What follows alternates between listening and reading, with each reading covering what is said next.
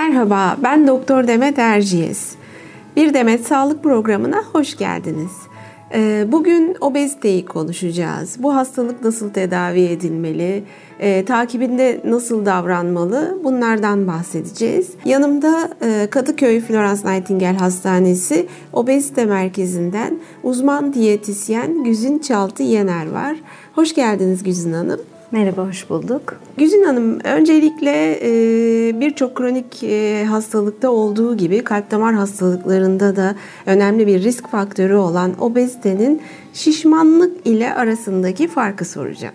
Obezite, e, halk dilinde şişmanlık aynı anlama geliyor. Obezite vücuttaki yağ dokusunun sağlığımızı olumsuz etkileyecek biçimde aşırı artmasıyla tanımlanıyor.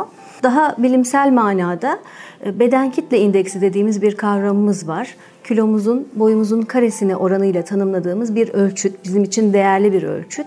E, bu ölçüte göre de bu değerin 30'un üstünde olması yine bizim için obezite anlamına geliyor.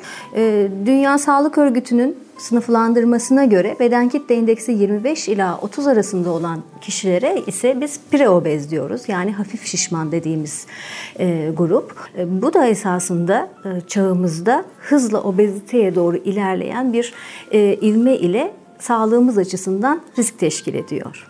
Evet, e, aslında obeziteyi tedavi edilmesi gereken bir hastalık olarak e, kabul etmeliyiz. Peki e, dünya üzerinde obezite konusunda Türkiye'nin yeri nedir? Dünya Sağlık Örgütü'nün 2018 yılında bir Avrupa Sağlık raporu var. Bu rapora göre maalesef Türkiye obezitede birinci sırada. E, dünya genelinde ise bakılacak olursa 27. sırada. Üstelik Türkiye'de yapılan 2016 yılı verilerine göre de e, preobez e, gruplar çok fazla artmış durumda. Az önce kategorizeleştirmiştik ya obez ve preobez diye. E, maalesef e, kadınlarda e, obez bireyler yüzde 24, e, erkeklerde yüzde 15 yaklaşık olarak ama e, preobezlere baktığımızda kadınlarda yüzde 30, erkeklerde yüzde 40 oranında bir takım veriler var. E, gerçekten çağımızın hastalığı ve hızla da ivmeli bir şekilde e, ilerliyor ama tedavi edilebilir bir hastalık. Peki e, obezitenin tedavisinde hangi yöntemleri uyguluyoruz? Biz obezite ile ilgili tedavileri 5 kategoriye ayırabiliriz. Birinci tedavi yöntemimiz tıbbi beslenme tedavisi. İkinci yöntemimiz fiziksel aktivite. Ee, üçüncü yöntemimiz e, davranış değişikliği tedavileri. Dördüncü yöntemimiz ilaç tedavisi. Beşinci yöntemimiz ise bariyatrik ve metabolik cerrahi işlemler. Bu işlemlerin hiçbirini, bu yöntemlerin hiçbirini birbirinden ayrı düşünmemek e, ve multidisipliner yaklaşmakta yarar görüyoruz tabii yöntemlere. E, tabii e, aşama aşama gidiyor bunların hepsi. E, işte e, beslenme e, yöntemi daha doğrusu diyet halk arasında diyete girmek olarak e, ifade ediliyor çoğu zaman.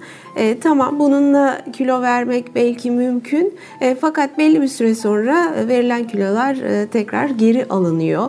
Bunda e, en akıllıca e, yaklaşım sizce nasıl olmalı? Hangi yöntemle e, hastamızı e, obeziteden kurtarmaya çalışıyorsak çalışalım. E, öncelikli olarak e, amaç hastanın yaşam kalitesini iyi tutmak. E, bence işin sırrı bu noktada. Öncelikli olarak hastalarımız bir amaç belirlemeli. Amaç çünkü hiçbir zaman yalnızca kilo vermek değil, aynı zamanda verilen kilonun korunmasını da sağlamak. Amacı gerçekleştirmek için de kavram hakimiyetleri çok önemli. Çünkü sistem kişinin aklına yatarsa, ona mantıklı gelirse e, sıkılmadan ve motive bir şekilde uyguluyorlar. Çoğu kavramlar hesaplamalarla ilişkili kavramlar. Onlar biraz daha diyetisyenin elinde olan püf noktaları gibi görünüyor.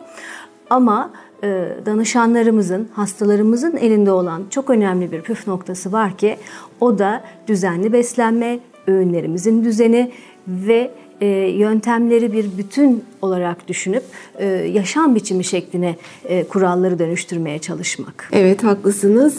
Sürdürülebilirlik birçok konuda olduğu gibi burada da çok önemli.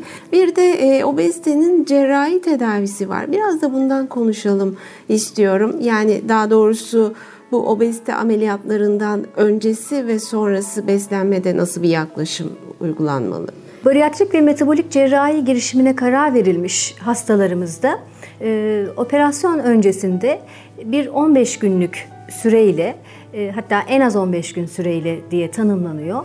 %10'luk bir kilo kaybı hedefleniyor. Bu kayıp e, karaciğerdeki yağlanmayı küçültmeye, oradaki hacmi azaltıp e, cerrahi operasyonun başarısını arttırmaya yönelik bir e, tedavi.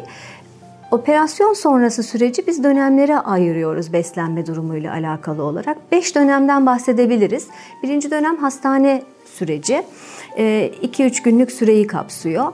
İkinci dönemimiz hastaneden taburculukla birlikte 15 günlük berrak sıvı e, beslenme süreci.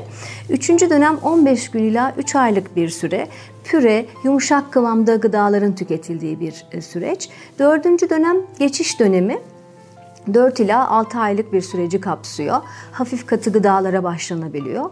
6 ay ve sonrası ise son dönem normal beslenme dönemi dediğimiz süreç. Güzin Hanım'a verdiği bu değerli bilgiler için çok teşekkür ediyoruz. Bir sonraki programımızda tekrar görüşmek dileğiyle sağlıklı günler diliyorum.